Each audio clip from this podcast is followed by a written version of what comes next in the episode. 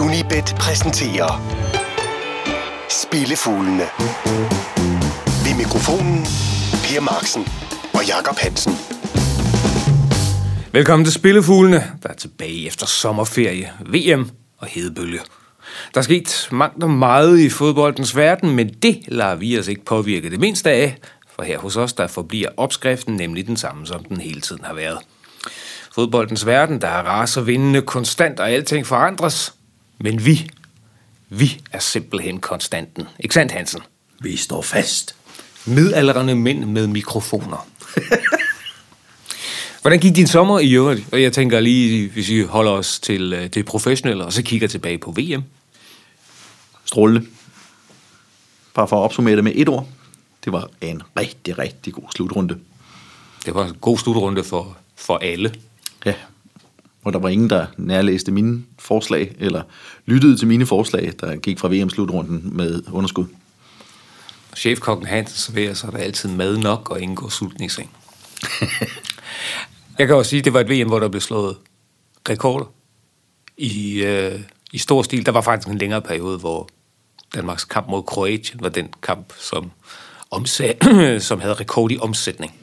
Den blev slået naturligvis af nogle af de, af nogle af de senere Ja. knockout-kampe, og øh, benchmarket frem mod næste slutrunde, det hedder så VM-finalen mellem Frankrig og Kroatien, som øh, bragede igennem på absolut alle parametre. Men du havde et godt VM. Ja. Jeg havde et øh, glimrende VM, og på flere fronter. Der blev afleveret spil på Instagram, på Facebook, i Unibet TV-studiet der. Og der var ingen af de fronter, der viste røde tal på bundlinjen. Kort sagt, alle de kanaler, som vi også har tænkt os at gøre reklame for sidste udsendelse. Præcis. Hvis vi lige kigger tilbage på vores sidste halvsæson i det her program. Ja. 107 procent. 107 procent for den første halv sæson. Og det var faktisk øh, pussy nok præcis samme tal, som vi sluttede 2017 på. Så hvis vi bare kan holde det.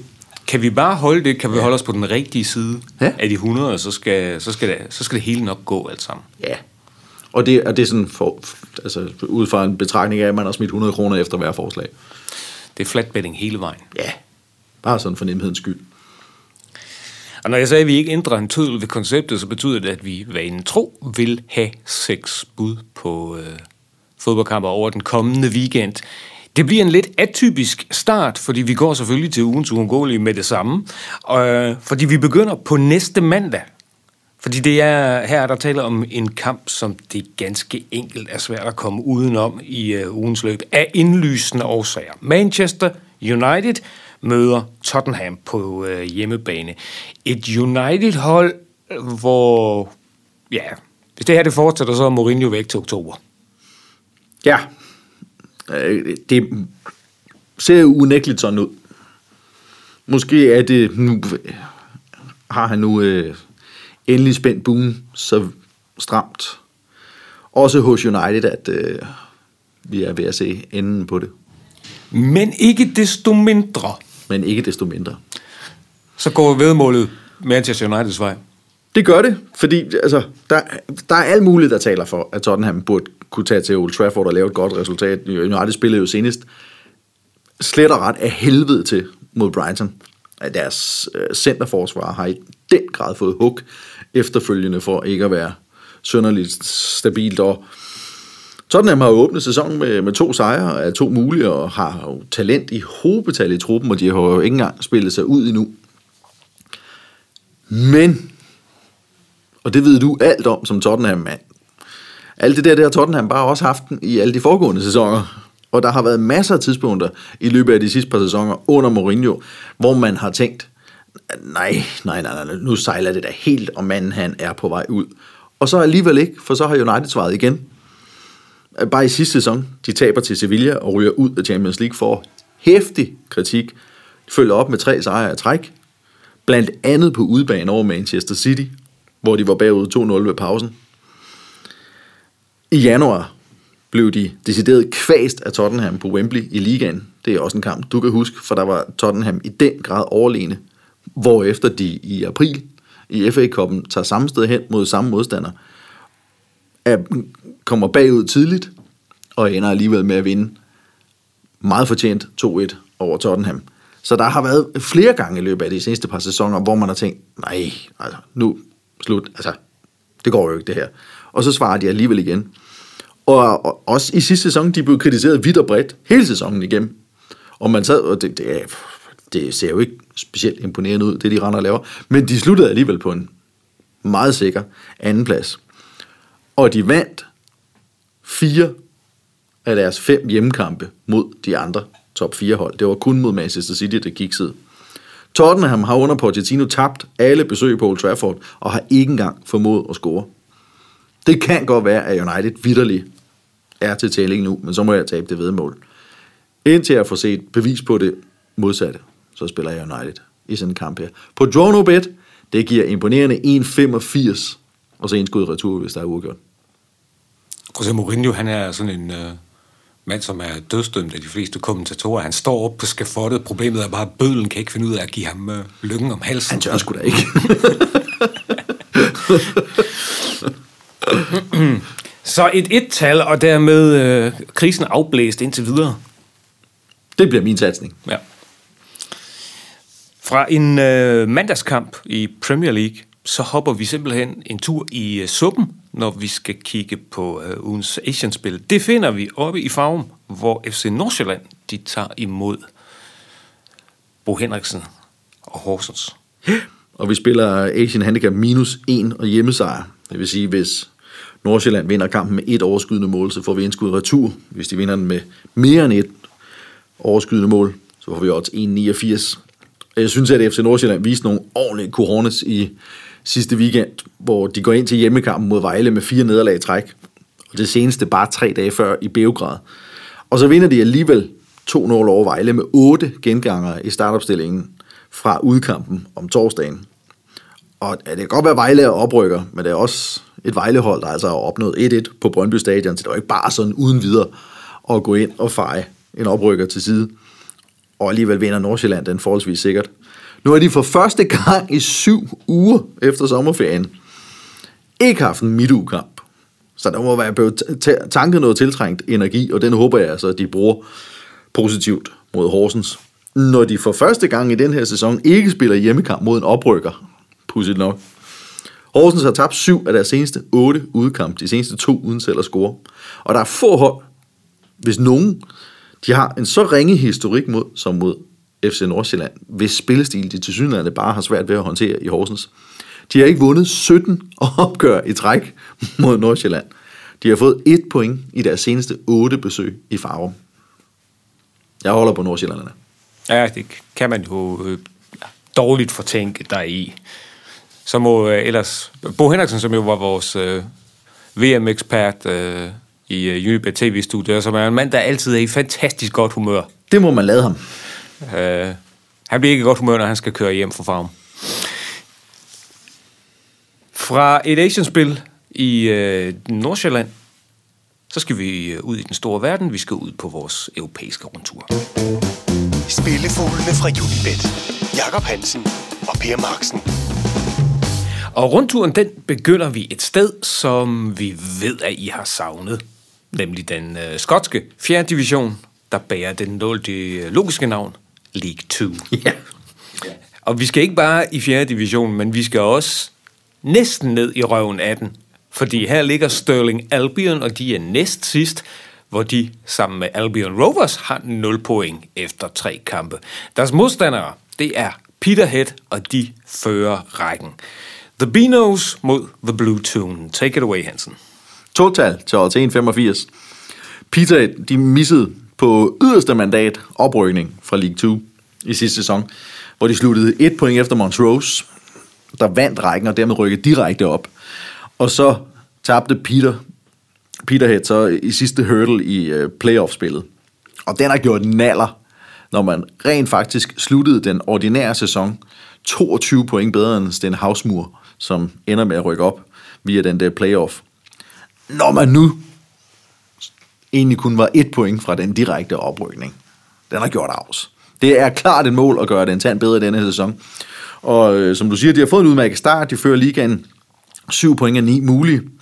Og det er noget bedre, end man kan sige om Sterling Albion, som de så er på besøg hos på lørdag. De sluttede faktisk nummer 3 i sidste sæson, men har åbnet med tre nederlag, og tæller vi Liga Cup-kampe med, som igen i år har åbnet den skotske sæson, har de altså nu efter sommerpausen tabt syv af otte officielle kampe. Det er en skidt start på sæsonen. De seneste tre nederlag var med mindst to overskydende mål. Den ene undtagelse, skal det så siges, det var en udkamp mod Peterhead i den der famøse Liga Cup. Og det kan selvfølgelig afskrække, men sidste år vandt Sterling også sæsonens første kamp, og ligeledes på udebane mod Peterhead, hvor efter sidstnævnte vandt de fem efterfølgende opgør, de havde mod hinanden. Heraf var tre på udebane, som alle sammen blev vundet til 0. Sammenligner vi holdopstillingen fra den seneste sejr over Sterling Albion til den, som i sidste uge vandt over Clyde, var der kun to ændringer. Så Peterhead har været i det store hele i stand til at holde på de fleste af de spillere, der gjorde det næsten godt nok i sidste sæson. Derfor tager vi chancen på totallet til 1,85. Et stensikkert total fra det skotske. Øhm, og så til et næsten. The Beanos, sagde du. The Beanos, ja. Ja, flot efter. Ja, ja. Flot tilnavn. Men øh, nu skal jeg til at sige, fra det der stensikre total næsten da, til et lidt mere usikkert et-tal, men stadigvæk et et-tal af det, vi går efter, når vi drager videre til Tyskland, hvor Bundesligaen, den erste af slagsen, den skydes i gang i den her weekend oven på øh, pokalkampene øh, i den forgangne. Her vandt Bremen 6-1 i Worms, og Hannover de var lige så overbevisende 6-0 ude mod øh, Karlsruhe. Og som de siger på NDR, så er det her en kleines Nordderby, Werder Bremen hjemme mod Hannover 96. Og du har mest fidus til hjemmeholdet. Det har jeg. Jeg spiller den med lidt livrem og seler. Draw no bet. Et tal. Det giver odds 1,52. Dem, der er lidt dristigere end jeg, de tager en direkte et-tal til 2,08. Øh, Fordi nu har, men nu har Werder Bremen fået en håbløs start på sæsonen de sidste to år, og i begge tilfælde endte det med at koste, koste træneren jobbet. I sidste sæson, kan du huske, hvor lang tid der gik, før de vandt en kamp? Øh, nej. De vandt ingen af de første 11 ligakampe, faktisk. Det er rigtigt, fordi, en start fik fordi, de. fordi da vi var nede for at se Kofelds debut mod Frankfurt, der tabte de også. Ja, de gjorde nemlig. Og at man så stadig slutter som nummer 11 i tabellen, det må siges at være rimelig anstændigt arbejde. Og det vil undre mig, hvis de får så ringe en start igen igen, fordi nu hedder træneren Florian Kofeldt, og han nyder rigtig stor respekt dernede efter den sæson, han kørte i hus øh, sidste sæson. For han virker som mand med en klart mere vision for, hvad det er, han vil, end hans umiddelbare to forgængere. De har sagt farvel til Thomas Delaney, og forsøgt at udfylde hullet med David Klaassen fra Everton, og kommer han til at spille, som han gjorde for Ajax, tror jeg nok, at han kan udfylde det hul. Det er min umiddelbare. Ellers så får han jo, han kan jo få god hjælp, fordi Bremen har fået deres talisman tilbage. Mig om ikke Claudio Pizarro, han tager lige endnu en tørn. Han øh, napper lige en, mere, en, en tur mere på væg, så ja, det er imponerende. Og så er Junusovic også væk, men han endte med at sidde mere på bænken, end han spillede mod slutningen af sidste sæson, så det er ikke sikkert, at det bliver så stort et tab, som jeg vil eksempelvis omkring nytår have kaldt det, at de, mistede kaptajnen. Hannover har mistet tre stamspillere i Klaus, Harnik og Salif Sané, og især sidstnævnte kan godt, sådan, i hvert fald i starten af sæsonen, tænker jeg, efterlade noget af et hul i forsvaret, mens Harnik han i øvrigt er, er skiftet til Werder Bremen, pudsigt nok. Hannover vandt ingen af sæsonens sidste 12 udkampe. Og for Werder Bremens vedkommende, i sidste sæson, der høstede de sæsonens første sejr over netop Hannover, der blev slagtet 4-0 på Weser. Siden har de spillet 11 yderligere hjemmekampe uden tab, så Kofeld har altså ikke stadig, stadig ikke prøvet at tabe på Weser stadion. Halvdelen af de 12 ubesejrede kampe sluttede dog uafgjort, og det er derfor, jeg ikke er meget for at undlade krydset. Og så har Hannover i øvrigt ikke vundet på Weser stadion siden 2003. Det lugter af et et-tal, men jeg forstår argumentet for, at øh, vi, og specielt når det er en sæsonstart, er en smule forsigtige. 1,52 altså som et, øh, Ja. som et no-no-bet. Jamen, øh, så skal vi jo øh, hoppe videre. Sidste punkt på rundturen, det er nede i det franske. Det er nede i byen, hvor man samler Airbus-flyene. Toulouse, de møder Nîmes i øh, den franske Ligue 1. Og nu skal vi lige holde tungen lige i munden, fordi hvad er det, vi skal spille på det her? Vi skal spille på mindst to mål efter pausen. Hvis man slår det op på hjemmesiden, så hedder det over 1,5 mål i anden halvleg. Det giver odds 2, 18. Nîmes, som er på besøg her i Toulouse, de var i sidste sæson det mest scorende hold i Ligue Hvilket så sikrede dem en oprykning. Og det lader til, at de indtil videre har tænkt, at defensiv fodbold, det er sgu for tøsdreng. Vi holder fast i det, vi er gode til, og spiller fuld knald.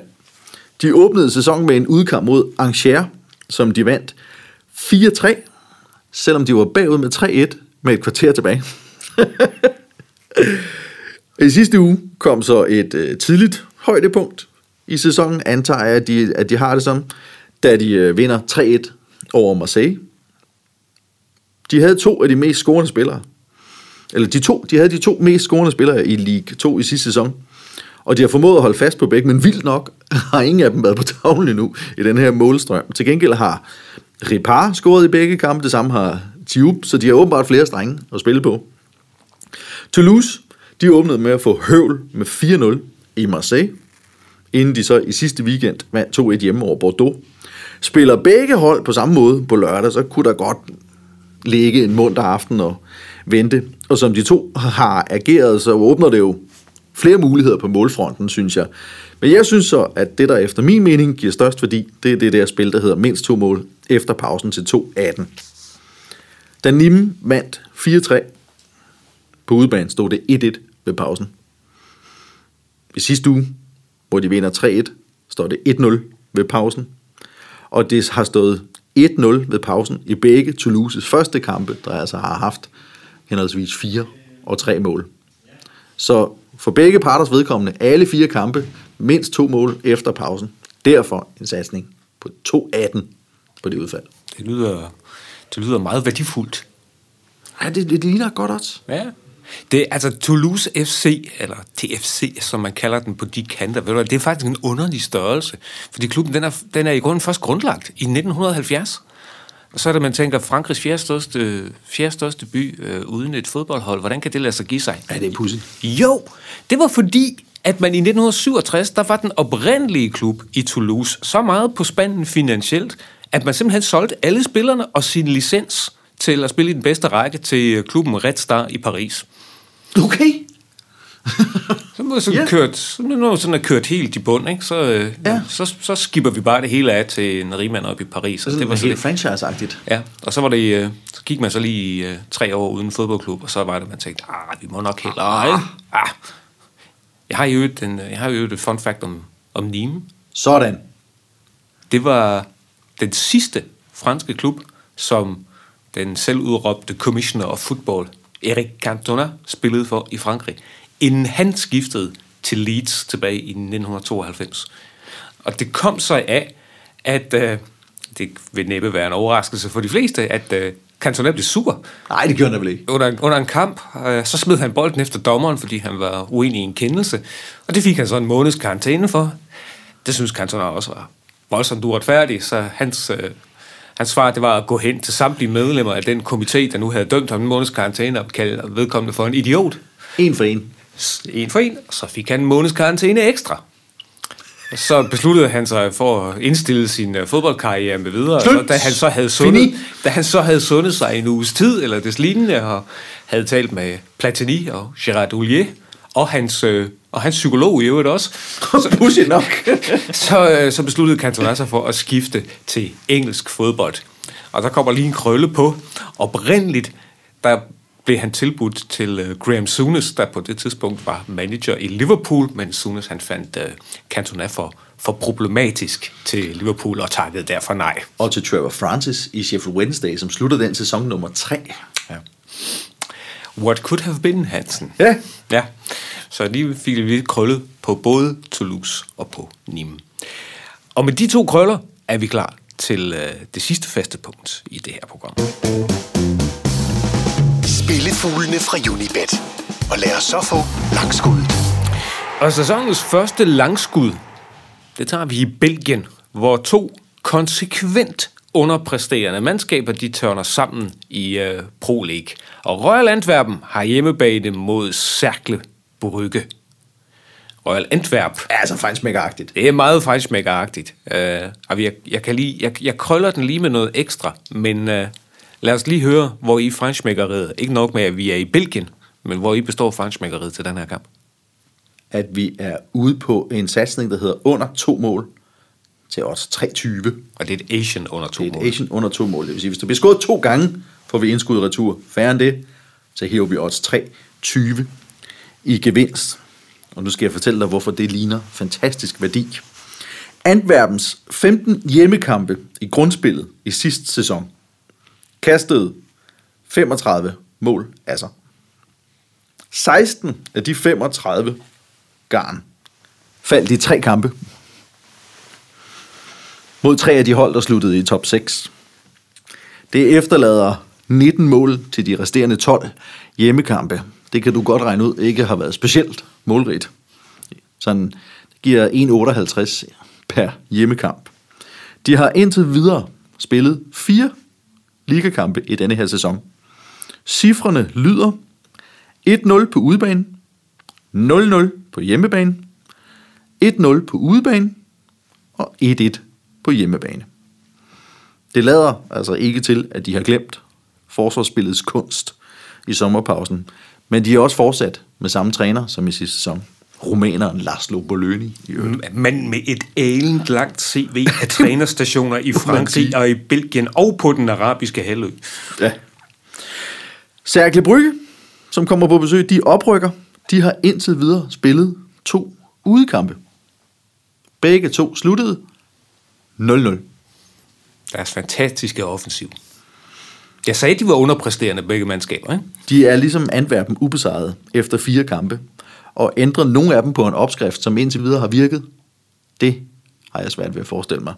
Sidste gang Cercle var på besøg i Antwerpen var i november 2016. Kan du gætte, hvad det blev? Det er 0-0. 0-0. Er fantastisk værdi, sådan som de to mandskaber har åbnet sæsonen. 3-20. 3-20 på en øh, yderst målfattig. Lad det bare blive 0-0. Ja, endelig. Ja, jeg beklager for, for tilskuerne, men øh, vi tager gerne 0-0. Du sagde, det særligt, det, det, den anden klub fra, fra Brygge, for vi kender alle sammen FC Brygge. Det gør vi. Klub Brygge. Uh, men man må også bare sige, at bortset fra, at Cercle de også har hjemmebane på Jan Breidel Stadion, så er der altså en verden til forskel mellem, ja. mellem, mellem de to, uh, mellem to klubber. Uh, Brygge, der har mesterskaber på stribe i de seneste år. Sidst Cercle Brygge blev belgisk mester, det var tilbage i 1930. Det var sådan et par dage siden. Det er et par dage siden. Men jeg kan lige krølle den der med, fordi vi var i Frankrig i, øh, på, på rundturen, og der er faktisk også en fransk vinkel hos Cercle Brygge, som jeg faktisk ikke ved, at du, om du er klar over. Nu talte vi om Toulouse, der var så meget på spanden, at de havde solgt, uh, solgt deres licens, etc.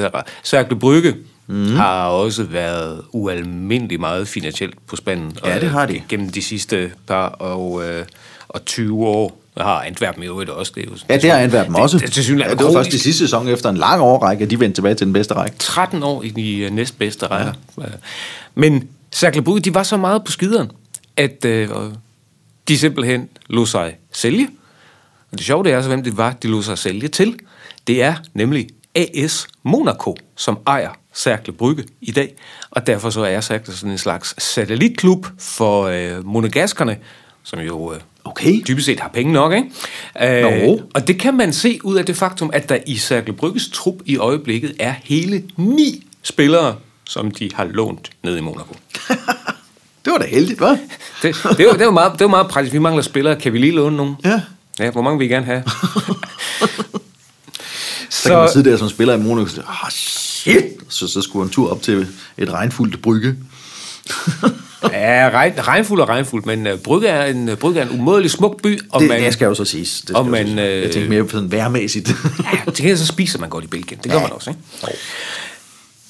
Og hvis vi starter bagfra, så Ja. ja. kommer ugens kampe så til at lyde Antwerpen mod Cercle Brygge. Det er et Asian Handicap under to mål. Vi er i øh, det franske i Ligue 1, hvor vi så tror på det stik modsatte. Over 1,5 mål i anden halvleg, når Toulouse møder Nîmes. Vi har et øh, et-tal, som Drone Obet, når Werder Bremen møder Hannover 96. Og i det skotske, vi skal ned i den fjerde bedste række i League 2, hvor vi tror, at Peterhead vinder over agterlanternerne fra Sterling Albion. Asian minus 1, og så et et-tal er ugens Asian-spil, og det er FC Nordsjælland over Horsens. Og vi slutter af ugens uundgåelige Manchester United mod Tottenham. Et et-tal, som øh, Joe Nobet. Husk, at du som altid kan finde alle Hansens øh, specifikke spilforslag inde på Facebook og på sportsmagasinet inde på unibet.dk.